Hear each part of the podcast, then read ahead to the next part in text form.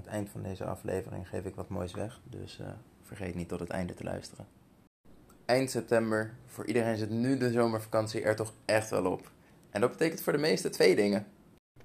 Aan de ene kant een stuk zwaarder dan voor de vakantie. En die kilo's mogen er eigenlijk wel weer af. Maar tegelijkertijd ging eten tijdens de vakantie ook een heel stuk makkelijker. En was het allemaal wat relaxter. Tuurlijk, het was iets meer dan handig was. Maar als je het vergelijkt, het was een heel stuk fijner eten. En niet alleen eten, je voelde je ook gewoon fijner, uitgeruster, lekkerder in je vel. Als dit op jou van toepassing is, heb je niet zozeer een probleem met afvallen. Je hebt een probleem met stress of je omgeving. Daar gaan we in duiken. Je luistert naar de Gezond en Fitkast. Ik ben Jori. Je kan me vinden op Instagram, jori-fitcoach, J-O-E-R-I. Dankjewel mama voor deze prachtige spelling van mijn naam. Hij is nog nooit in één keer goed geschreven. Anyway. Een van de meest voorkomende redenen waarom afvalpogingen fout gaan is stress. Afvallen per definitie brengt stress met zich mee. Je moet je lichaam gaan uitdagen. Een calorietekort is net even wat minder lekker, minder comfortabel dan gewoon eten wat je lijf nodig heeft. Tot zover niks schokkends, niks verrassends.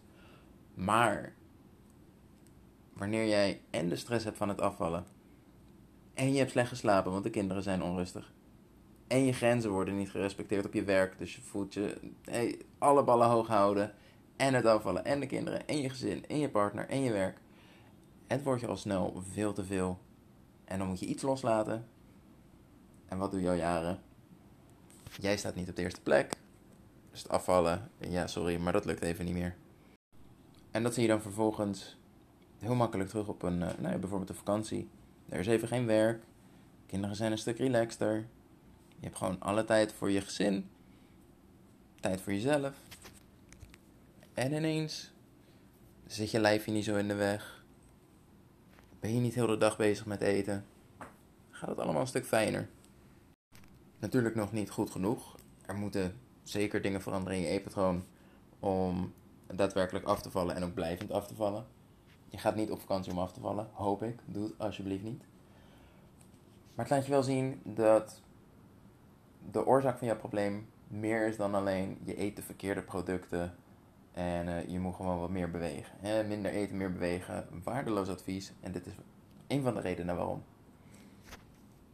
Of, en vaak is de combinatie van beide, je omgeving is een probleem. En dit zie je vaak, of dit zie je vooral bij dat zeldzame groepje die stabiel blijft of zelfs afvalt op vakantie. Dat zijn mensen die eigenlijk heel graag bewegen, maar in het dagelijks leven er niet aan toe komen.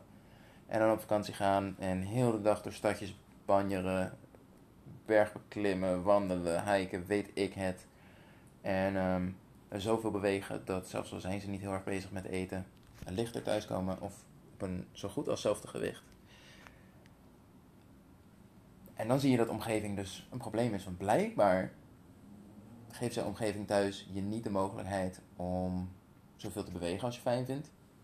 Of zet je beweging je thuis aan tot meer eten dan goed voor je is. En dan zou ik heel graag willen dat ik nu met zo'n super praktisch iets kon komen van... Ja, ga gewoon lekker leven zoals je op vakantie leeft. Dus als je daar anderhalf uur per dag wandelt, ga dat nu ook gewoon doen. Ja, klinkt mooi, maar eh. Gaat hem niet worden. Gaat hem niet worden. En dat hoeft ook niet.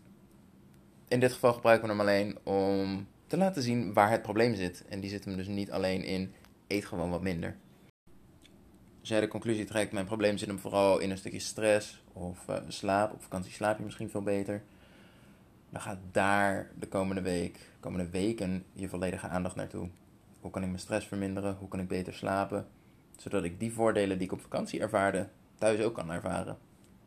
Betekent misschien dat je minder moet gaan werken. Betekent misschien dat je uh, ander werk gaat doen. Of beter je grenzen aangeeft op je werk. In plaats van dat je continu overwerkt en meer werkt in je uren probeert te proppen dan dat er eigenlijk in past. Misschien wat meer in het huishouden uitbesteden. Kan aan je partner zijn, kan ook iemand van buitenaf zijn. Ik heb geen idee. Ik heb wel heel veel ideeën. Um, ik weet niet wat voor jou op dit moment direct de oplossing is. Maar dit is wel de richting um, om in te gaan denken. En als je probleem nou in de omgeving zit, Ik zeg het al vaker, tijdens zo'n podcast praat ik veel te veel met mijn handen. Ik hoop niet dat het hoorbaar is, omdat ik hier op van alles loop te duwen en te meten. En te... Maar goed. Als je probleem nou in je omgeving zit, dan hetzelfde verhaal. Wat was er nou zo anders op vakantie waardoor het daar makkelijker ging? Wat kan je nou concreet in jouw omgeving gaan veranderen? Op vakantie eh, zie je vaak ehm, veel verse producten aanwezig, dus het is veel makkelijker om meer groente en fruit te eten. En thuis, als er dan een keer fruit gehaald wordt, vergeet je het en vervolgens kan je alles weggooien omdat het rot is en dan hou je het niet meer. Conclusie, je vindt fruit eten helemaal niet vervelend, alleen je moet het even structureel aanpakken en goed inplannen, anders gebeurt het niet. En uh, dat is weggegooid geld, daar houdt niemand van.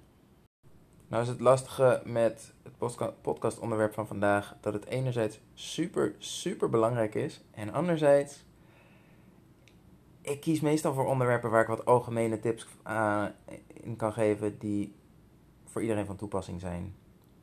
Dat is hier niet het geval. Dit is een onderwerp waar je in jouw leefstijl, in jouw leven, de diepte in moet duiken.